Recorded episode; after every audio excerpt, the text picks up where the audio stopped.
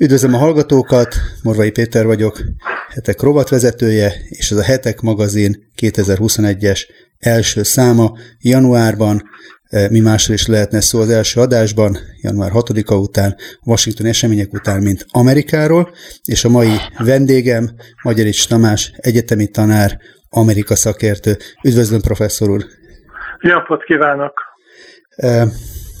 Nyilván az első kérdésem, és a hallgatókat is ez érdekli leginkább, hogy végre most kijelenthetjük a tegnapi nap után, ami ugyan egyébként a tegnapi nap csak ma ért véget, hiszen magyar idő szerint ma délelőtt, amerikai idő szerint pedig a hajnali órákban született meg a kongresszus együttesülésének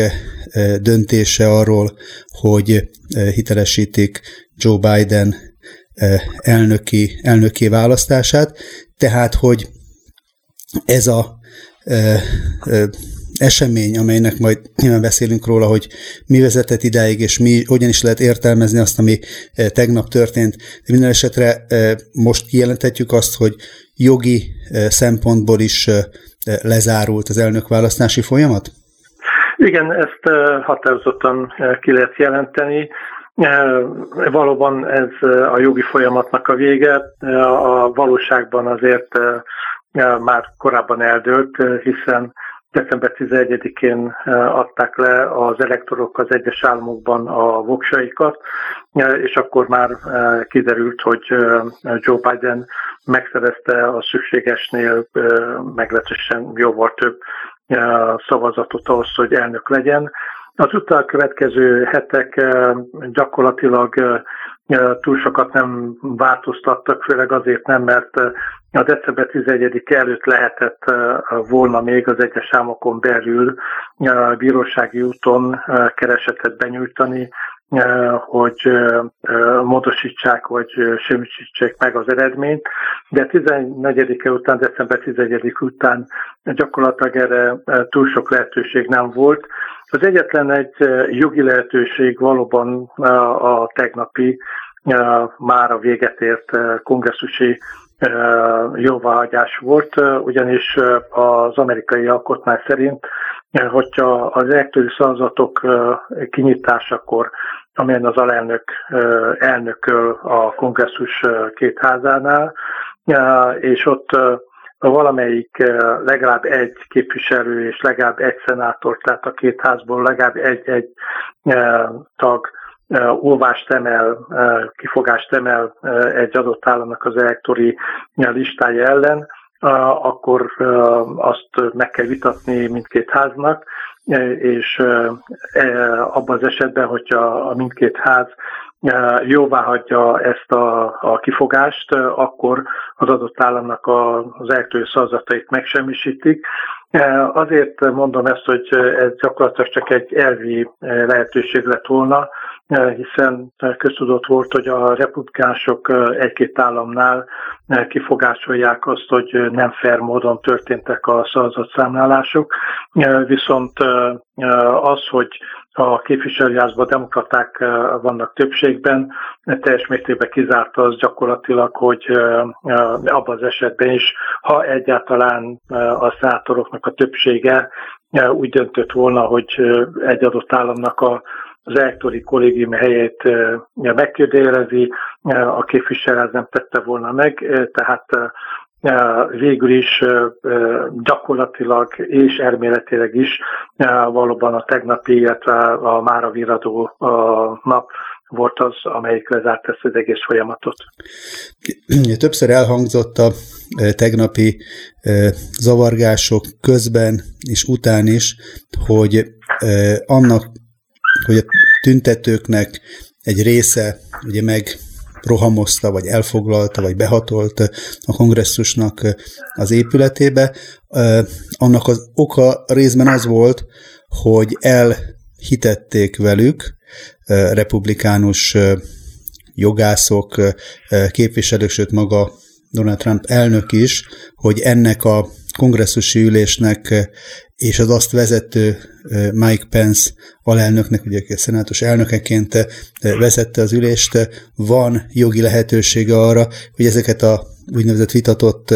elektori szavazatokat visszatartsa, és ezzel érdemben befolyásolja az eredménynek a kihirdetését. Ezt hogy látja? Ez egy, ez egy, ez egy tévedés volt, vagy egy tudatos hergelés, vagy, vagy akár ennek lehetett volna tényleges jogi relevanciája. Ahogy korábban szó volt róla, akkor lehetett volna, hogyha mindkét házban akadnak olyanok, akik egyrészt megkérdezik egy adott államnak az elektori kollégiumi helyeit, másodszor pedig a szavazásnál minimum 50% plusz egy fő jóvá hagyja ezt a, az óvást, tehát mi a demokraták voltak többségben a képviselőházban, ez hát abszolút hát kívül esett a, a lehetőségeknek a határain. Az pedig egyszerűen tévedés volt, hogy az alelnöknek bármifajta tényleges szerepe lehet ebbe az egész folyamatban. Az ellenők a 12. alkotmánykiegészítés szerint mindössze úgymond egyfajta levezető elnök, akinek a jelenlétébe bontják ki ezeket a lektori kollégiumi szavazatokat tartalmazó borítékokat a különböző államokból, de őnek is semmifajta olyan joga nincsen, hogy önhatalmulag megkérdezze az elektori kollégiumnak a voksorását, tehát ez egyszerűen egy tévedés volt. Az pedig, hogy megpróbálnak nyomást gyakorolni a törvényhozókra. Azt hiszem, hogy megint csak egy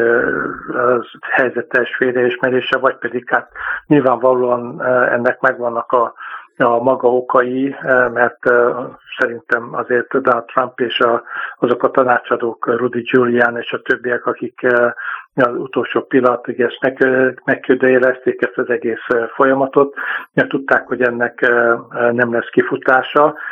Inkább azt hiszem arról van szó, hogy Donald Trump megpróbálja idézőjelbe egybe tartani a, a követőit, és megmutatni azt, hogy az utolsó pillanatig harcol,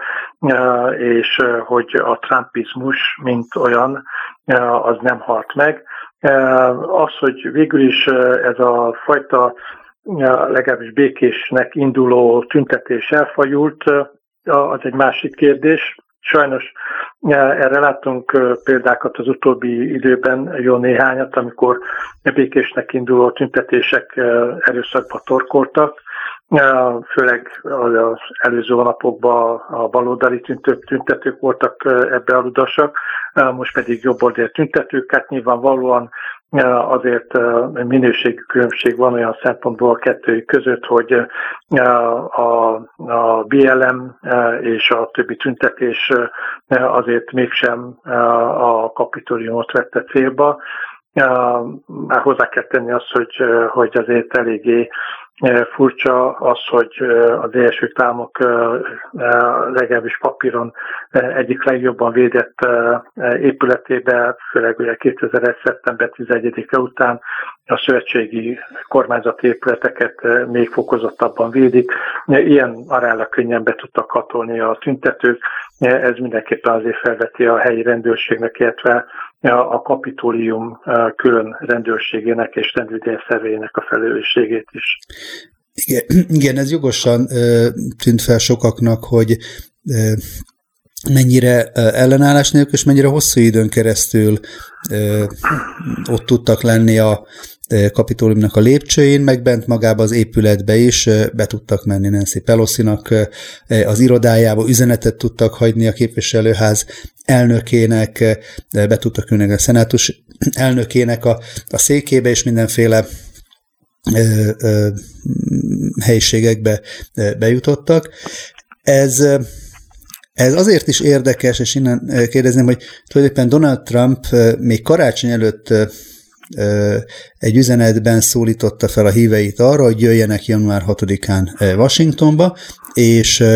ahogy írta a Twitter üzenetébe, jöjjenek azért, mert ez egy vad nap lesz, vagy vad napra készülhetnek. Ezt, ezt akarta az elnök, vagy ez, ez csak így történt? Hát nem valószínű, nem legalábbis jó feltételezéssel. Nem tartom valószínűleg, hogy Donald Trump arra gondolt, hogy, hogy megrohanják a hívei a, a kapitóliumot. Inkább arról van szó, hogy az ilyen tüntetéseknél, amikor hát felizgatott tömegről van szó, és hát láttunk ilyet sajnos utóbbi egy-két hónapban jó néhányat Amerika különböző nagyvárosaiban, a békés tüntetőkhöz nagyon könnyen oda csapódnak a radikálisabb elemek, akik arra használják fel a békés tüntetést, hogy mondjuk az eddigi korábbi tüntetéseknél törjenek, zuzzanak, kirakatokat törjenek be, üzleteket hozzanak ki, autókat gyújtsanak föl, és így tovább, aminek semmi köze nincsen az első alkotmánykiegészítésben rögzített gyülekezés és szólásszabadsági joghoz, az a békés tiltakozást engedi meg, és nem pedig azt, hogy erőszakosan próbáljanak érvényt szerezni vét vagy valós igazságuknak. Elképzelhető, hogy most is ez történt, hogy a, a békés tüntetők közben végig is azért, hát nem tudom pontos, nem tudom pontos számokat, de különböző számok láttak nagyvilágot, de tízezer vagy akár több tízezer emberről beszélnek, és azért ezekben a cselek, cselekedetekben, tehát erőszakos cselekedetekben ennek a tömegnek egy töredéke vett azért részt, hogyha végül is egy-kétszáz emberről van szó, és elképzelhető, hogy, hogy ők a radikális elemekhez tartoztak, vagy pedig hát volt olyan szakértő is, biztonságpolitikai szakértő, aki provokációt sem tartott kizártnak ebben az esetben, főleg azért, mert mert úgy gondolta az illető szakértő, hogy túl könnyen hatoltak be a kongresszus épületébe emberek, és végül is azért, hogyha egy nagyon jól érzett épületről van szó, főleg egy ilyen esetben, amikor az összes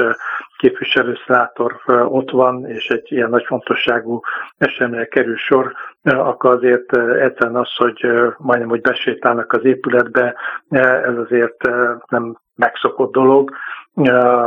Aki járt Washingtonba, az tudja, hogy, hogy eléggé nehéz bejutni az épületbe, még akkor is, hogy az ember teljesen békés célral megy látogatóba, de az, hogy, hogy kövekkel, vastudakkal, dárdával és egyéb eszközökkel felszerelkezve megközelítsék az épületet, akkor azért nagyjából lehetett látni, hogy nem egyszerűen mondjuk városnéző turistákról van szó. Ugye nyilván nem mentve a tüntetőknek, vagy a zavargásban résztvevőknek a magatartását, de ugye azért egy tény, hogy az áldozatok, mert voltak áldozatai a tegnapi eseményeknek, azok, vagy ők a tüntetők oldaláról kerültek ki, tehát nem amennyire itt az információim megfelelnek a valóságnak, akkor, akkor nem volt a rendvédelmi szervek részéről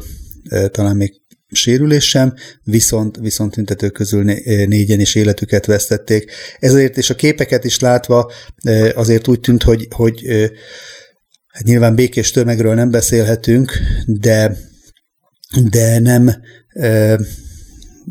történt talán az, ami, ami vádként elhangzott, hogy itt most egy fegyveres lázadásról, zendülésről, államcsíny kísérletről lett volna szó. Azért ezt kizárhatjuk, gondolom. Igen, ez, ez nyilvánvalóan egy olyan retorika, ami azért emelje meg a helyét. Hogyha végül is azért, hogyha megnézzük az első államoknak a lakosságát, 330 millió ember, hogyha pár tízezer ember összegyűlik, az azért még eléggé távol van attól, hogy államcsénynek lehessen minősíteni, még akkor is, hogyha ilyen nagyvárosban, Los Angelesbe és egy-két más városban is voltak nagyjából egy időben tüntetések, de gyakorlatilag pár száz főnyi tömeg úgymond gyűlt össze. Tehát, és azt hiszem, hogy, hogy ennek kapcsán értekezhetünk arról, hogy, hogy sajnos a jelenlegi helyzethez nagymértékben hozzájárult az a végletes retorika, amit mindkét fél alkalmazott az utóbbi, főleg Trump megválasztás után az utóbbi négy évben, hiszen a demokraták kezdetű fogva nem ismerték el Trumpot legitim elnöknek, és hogyha kicsit még közelebb jövünk, akkor gyakorlatilag a, a kampány, az elnökválasztási kampány során az egyik tábor, a republikánusoknak az egyik érve az volt, hogyha a demokratákat választják meg, akkor végre lesz Amerikában a demokráciának, mert egy szocializmus jön Bernie sanders és a, a, a baloldallal, a demokrata baloldallal, míg a demokraták az érveltek, hogy Trump megválasztásával végre lesz a demokráciának, mert egy diktátor hajlamú ember kerül újra a férházba. Tehát eleve olyan szélsőséges retorikával ért mindkét oldal, hogy, hogy ezért ez elég sokokat az megmozgatott. Az igazság az, hogy az amerikai főáram az sokkal szélesebb, és ezek a szélsőségek legalábbis remélhetőleg nem fognak tulajdonképpen többségre kerülni, se az egyik, se a másik oldalon. Segíthetett volna az, hogy itt mint két hónap telt el a választás óta, hogy a felmerült kifogásokat valamilyen korlátozott időn belül de nem államokra lebontva, hanem egységesen próbálják meg orvosolni. Ugye most a tegnapi kongresszusi vitában elhangzott egy olyan felvetés, amely tehát végül is leszavaztak, de talán Ted Cruz, texasi szenátor volt, aki felvetette, hogy egy kongresszusi vizsgálóbizottság jöhetne létre, vagy jöhetett volna létre kétpárti tagokkal, kiegészítve a legfelsőbb bíróság tagjaival, akik egyszer és mindenkorra pontot tudnak tenni a, a fölmerült kifogásoknak és vitáknak, és akkor, ha ez időben a választás utáni egy-két hétben megtörténhetett volna, akkor, akkor talán, ez egy feltevés, meg lehetett volna spórolni ezt az eszkalációt, aminek a tegnapi nap lett a fordpontja. Úgy vélem, hogy ennek egyszerűen alkotmányjogi akadályai vannak. Az alkotmány világosan leszögezi, hogy az elnökválasztást az egyes államok a saját szabályok szerint bonyolítják le, és ezen kívül az, az elektorokat az egyes államok, mint szuverén tagállamok jelölik ki, tehát ez a, a, a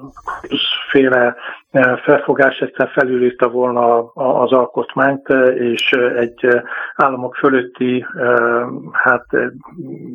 adhok bizottság kezébe tette volna le az elnökválasztásnak a, a kimenetelét, és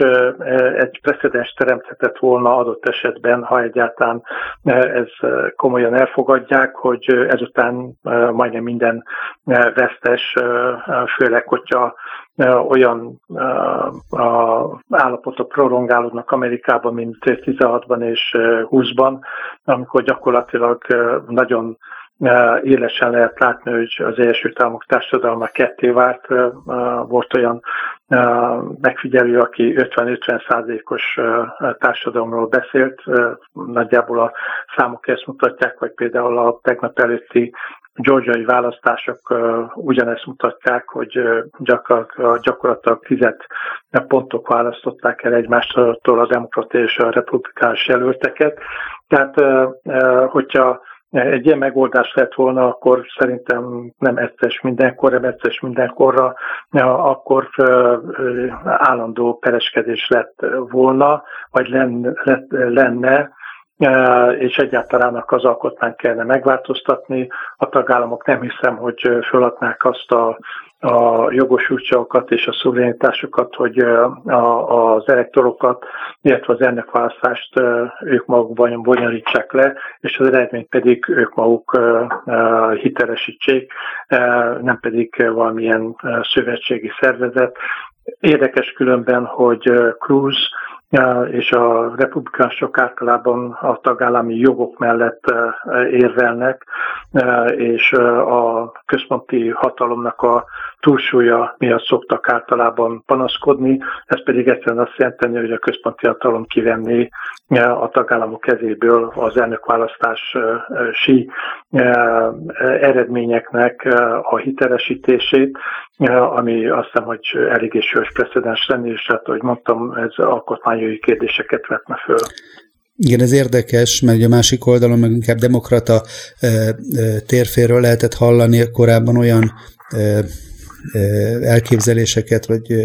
vagy terveket, hogy hát magának az, az elektronikai testületnek a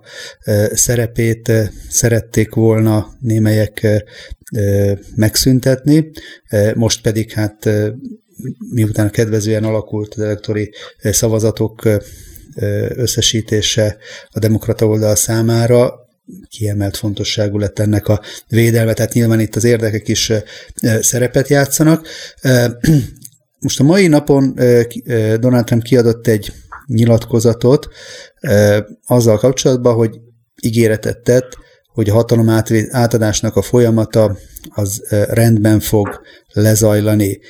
Tekinthető ez egy olyan garanciának, hogy most a hátralévő, a beiktatásig hátralévő kevesebb, mint két hétben már nem kell számítanunk további eszkalációra, vagy feszültségekre, nyugvópontra juthat ezzel a jogi döntéssel és Trumpnak a nyilatkozatával a választási vita? Igen, nagyon röviden egy mondatba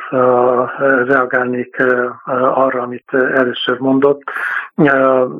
Az, hogy megváltoztassák az eltő rendszert, az az alkotmány módosítani kell alkotmánymódosításhoz a kongresszus kétharmada és az államok háromnegyede uh-huh. az egyetértésekkel utóbbi tíz éven belül. Azt hiszem, hogy erre semmifajta hát, kilátás nincsen. Tehát ez egy, ez egy olyan kérdés, ami elméletileg jó hangzik, de gyakorlatilag ilyen pillanatban ez abszolút kizárható. A másik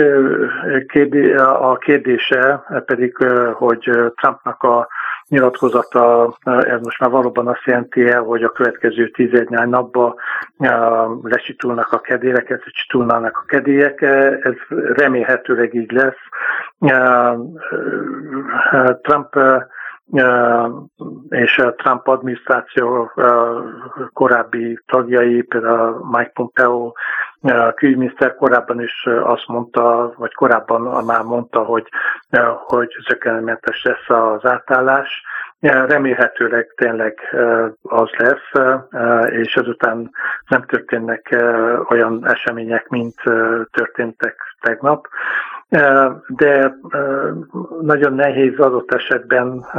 ahogy szokták mondani, paraszkot visszatuszkolni, a, illetve a szeremet visszatuszkolni a paraszkba. Ebben a felfokozott hangulatban elképzelhető, hogy lesznek még jelentősebb tüntetések vagy akar zavargások is, különösen talán január 20-án, amikor az elnökváltás megtörténik. 2016-ban is különben a, a beiktatás után, Trump beiktatása után Washingtonban számos helyen zavargás tört ki. Nyilván nem az kapitalom épületét rohanták meg az emberek, de kis túlzással fél Washington csatatévé változott. Most is elképzelhető, hogy lesznek ilyen jelenetek Washingtonba, mert valószínűleg valószínűsíthető és hát borítékolni lehet, hogy, hogy a végtatás napján is azért lesznek tüntetések. Biztos óriási lesz a, a biztonsági mondjuk felvonulás, vagy a biztonsági óriási erőket fognak felvonultatni, és csak reménykedni lehet abba, hogy adott esetben ezek a a várható tüntetések békés módon fognak lezajlani. Főleg úgy, hogy elképzelhető, sőt valószínű, hogy itt nem csak a, a rendőrök vagy rendfenntartó erők és adott esetben a vehemesebb Trump szimpatizánsok néznek majd egymással szemben, hanem úgy, mint például Los Angelesbe a radikális baloldal és a radikális jobboldal, tehát itt a rendőrség esetleg két tűz közé fog szorulni, mert hát nyilvánvaló, hogy Bidennek rengeteg híve fog elmenni Washingtonba minden korlátozás ellenére, és a kijárási tilalom ellenére, és elképzelhető az, hogy ezek a csoportok találkoznak, és ez nem teljesen biztos, hogy békés úton fogják megmutatni a dolgokat, de hát remélhetőleg tényleg egy kicsit csillapítóan hat a, a Trumpi nyilatkozat, és a saját hívek is visszafogják magukat. Ha, ha előre tekintünk mind a republikánus, mind a demokrata oldal szemszögéből, akkor, akkor mire számíthatok? Ugye nem csak négy éves, két éves választási ciklusok is vannak Amerikában, tehát legközelebb 2022-ben lesz politikai megmérettetése az addig eltelt időszaknak. Ugye a demokraták a georgiai megismételt választáson aratott győzelmükkel a szenátust is megszerezték, tehát egy vétómentes és olyan, olyan két évre készülhetnek, legalább két évre, amelyben az elképzeléseiket korlátozás nélkül meg tudják valósítani. Mire használhatják a demokraták Biden elnöksége mellett ezt az időszakot. Várható az, hogy a utóbbi években megerősödött radikális baloldali szárny most vérszemet kap, és, és egyre másra keresztül erőlteti az elképzeléseit? Igen, ez egyik nagy kérdése a következő, ahogy ön is mondta, először két évnek, hiszen a félidős választások azért sokszor megfordítják a kongresszusi erőviszonyokat hogy a tulajdonképpen centristának minősíthető Biden, aki azért balra elmozdult, tehát korábbi számos álláspontját feladva inkább arra mozdul, de még mindig inkább középutasnak minősíthető az olyan radikálisokkal szemben, mint Ocasio Cortez, vagy Bernie Sanders, vagy Elizabeth Warren, és még lehetne a neveket sorolni hosszabban. Tehát a nagy kérdés az, hogy mennyire tud ellenállni annak a nyomásnak, amit a baloldal kifejt a kormányzatra, mert nyilvánvaló, hogy az amerikai társadalomnak a túlnyomó többsége elutasítja azért mind a jobb, mind a baloldali extremitásokat. Tehát, hogyha a baloldali követeléseket próbálja keresztül verekedni a törvényhozáson, és hát például nem is nagyon kell erőltetnie magát, hiszen a mindkét házban többségben vannak a demokraták, az 2022-ben visszaüthet, mint ahogy például Barack Obama visszaütött az egészségügyi reformcsomagnak az áterőltetése, az Obamacare, és 2010-ben elvesztette a két házat. Tehát ugyanez lezajlott, le, lezajlódhat 2022-ben is folytott előjellel. E, tehát Bidennek azért nagyon vigyázni kell arra, hogy, hogy azért ne menjen el túlsorosan balra, és a demokrata pártnak és Joe Bidennek személyesen véleményem szerint bizonyos fajta önmérsékletet kellene tanúsítani, hogy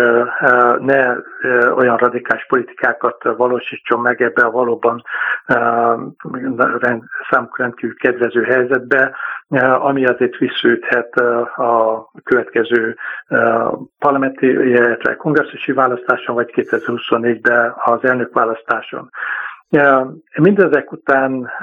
azért várható, hogy a bevándorlás, a illegális bevándorlásra szemben liberálisabb politikát fognak folytatni. Kérdés az, hogy valóban adnak-e állampolgárságot 11 millió embernek. Kérdés az, hogy a balold által szorgalmazott és hát ilyen pillanatban meglehetősen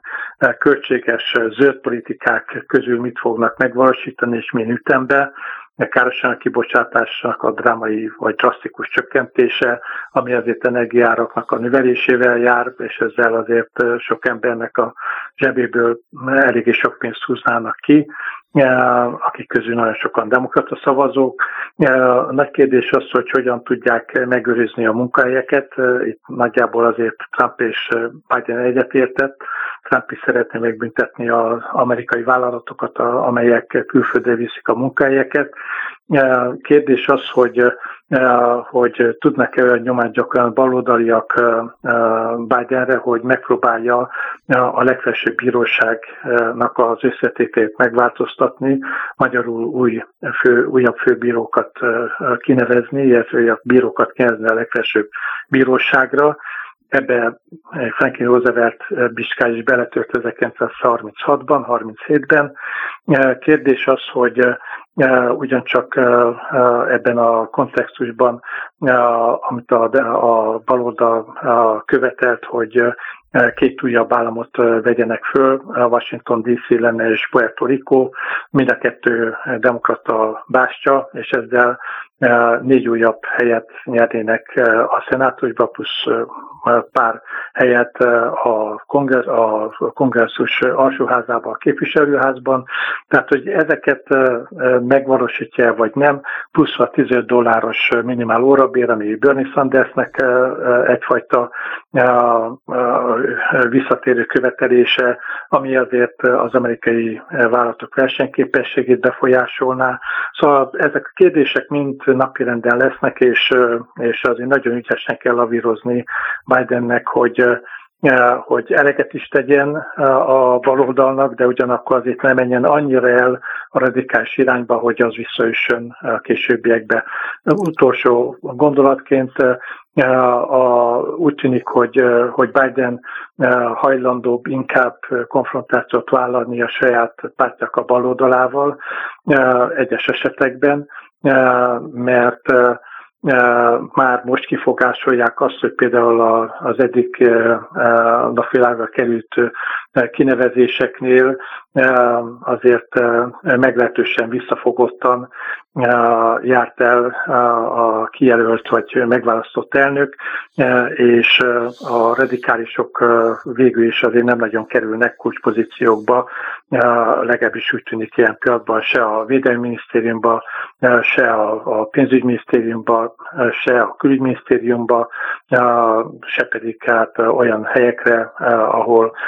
tulajdonképpen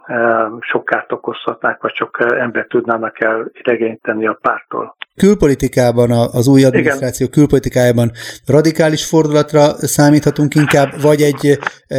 kiigazításokkal, de egyfajta folytonosságra? Hát valószínű azért inkább kiigazításokról van szó,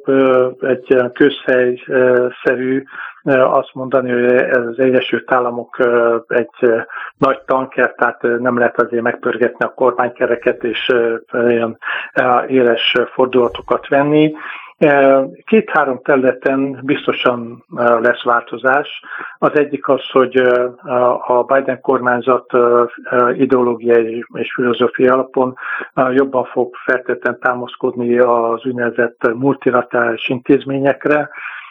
kevésbé úgymond tranzakcionális módon próbálja majd intézni bilaterális alapon a ügyeket.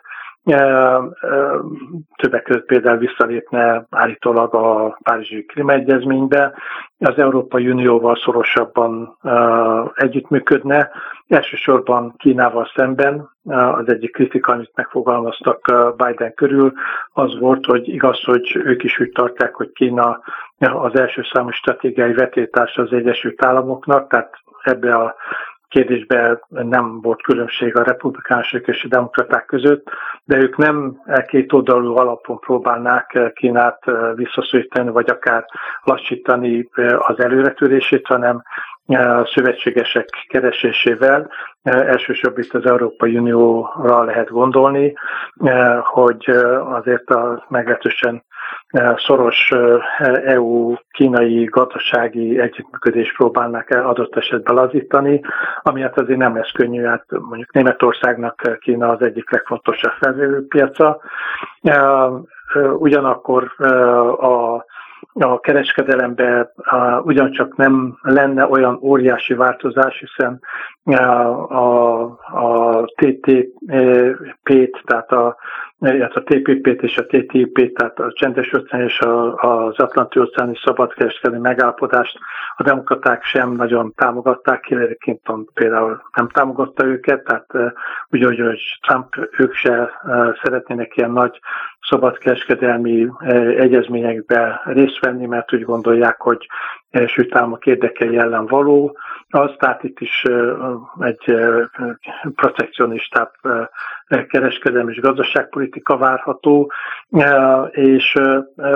legalábbis a megnyilvánulások szerint a több hangsúlyt, vagy nagyobb hangsúlyt fektetnének az értékekre. A Trumpi politika erősen pragmatista, realista volt a külpolitikai viszonyokat illetően, és a Bideni megközelítése, a mögötte álló embereknek a megközelítése pedig inkább ez a Wilsoni érték alapúság. Persze a kérdés az, hogy az érték alapúság és az érdek alapúság az mikor találkozik egymással, mert azért az úgynevezett Wilsonisták is olyan államokkal eléggé megkitűzően táportak, amelyek nem voltak a emberi jogok élharcosai, legalábbis nagyon finoman fogalmaztam ebben az esetben. Egy-két percünk maradt már csak hátra, de azért ejtsünk szót a republikánusoknak a előtt álló útról. Ugye Donald Trump talán még a beszél, washingtoni beszédében is tegnap azt úgy, fogal, úgy fogalmazott, hogy mozgalmat, hogy mozgalom vagyunk, tehát ő maga egy mozgalmat is épít, és vélhetően a szándéka szerint a január 20-a után, tehát a leköszöntése után is aktív marad. Ez jelentheti azt, hogy, hogy Trump körül épül újjá a republikánus párt, vagy, vagy ő már olyan megosztó személyiségnek bizonyult, aki inkább tehertétel a republikánusoknak? Ez tulajdonképpen a, a Janker Bocsa kvízműsorokat nézzük, akkor az egymillió dolláros kérdés a republikánusoknál mert valóban itt a republikások előtt álló a dilemma az, hogy a trumpizmust Trumpal együtt, és hát a tegnapi események azért Trumpnak a Nimbusát elég erősen megtépázták. Tehát sok olyan ember, politikus és közember, aki, akik eddig azért támogatták Trumpot, úgy gondolták, hogy azért ezzel már túl messzire ment, vagy a, a, a retorikájával, vagy pedig az, hogy kimondva, kimondatlanul azért bátorított erőszakos cselekedeteket. Tehát a kérdés az, hogy a trumpizmus, ami önmagában nem volt sikertelen, tehát az, hogy a bevándorlással szemben keményebb fölépés, Kínával szemben keményebb fölépés, munkahelyek védelme, adócsökkentés, ezek azért olyan kérdések voltak, amelyekbe nagyon sokan egyetértettek. A gazdaság rendkívül jól teljesített Trump alatt egészen tavaly januárig. Persze hát lehetne elmékedni azzal, hogy jókor volt jó helyen, vagy, vagy ő is hozzájárult az adócsökkentésekkel, munkái visszahozással ehhez a konjunktúrához. De minden esetre a trumpizmus felteten nem fogják így egészébe kidobni a republikások az ablakon, viszont a másik oldalon 2012 után már volt egy, egy magában nézés a republikánus párton belül, ahol arra következtetés jutottak akkor Mitt Romney veszített Barack Obama-val szemben, hogy a republikánus párt addig nem tud hosszú távon valóban versenyezni a demokratákkal, ameddig nem tud nagyobb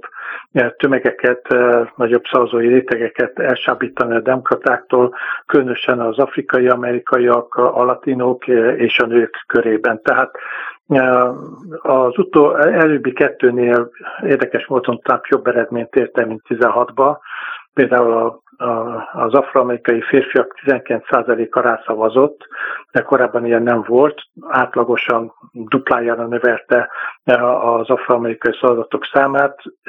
kicsit haladást ért el a latinoknál is, de még mindig kevés. Tehát felmések szerint a republikánusok akkor tudnának valóban lépést tartani a demokratákkal, hogyha 25% körülre emelnék legalábbis a az afroamerikai támogatottság mértékét, a latinoknál 40%-ra kellene fölvinni a mostani egyharmadot, tehát, és a nőknél többek között az elővárosi, kertvárosi nő, női szavazatokat veszített el nagy számba a Trump az utóbbi időben, meglehetősen ellentmondásos retorikájával és sokszor politikájával. Tehát, hogyha ezeket a rétegeket egy, egy trumpizmus pozitív, eredményes elemeit ötvöző jelöltel tudják megcsinálni, akkor, akkor meglehetősen jó esélyek vannak. Ha viszont Trump valóban ott ragad a republikás pártnak az élén, akkor elképzelhető, hogy a párt szakadni fog, hogyha nem is teljes mértékben, de például a georgiai előválasztásnál is, illetve szenátori választásnál is lehetett látni, hogy azért a Trumpi politika megosztotta a republikánusokat, és elképzelhető, hogy ez hozzájárult az, hogy mindkét helyet elvesztették ebbe a kulcsfontosságú államban. Magyar Tamás, köszönjük, hogy segített az elmúlt napoknak és az előttünk álló időszaknak az eseményeinek az értékelésében. Köszönöm a hallgatóknak is, hogy velünk tartottak, és legközelebb jövő héten jelentkezünk a Hetek magazinnal. Addig is mindenkinek boldog új évet és jó egészséget kívánunk.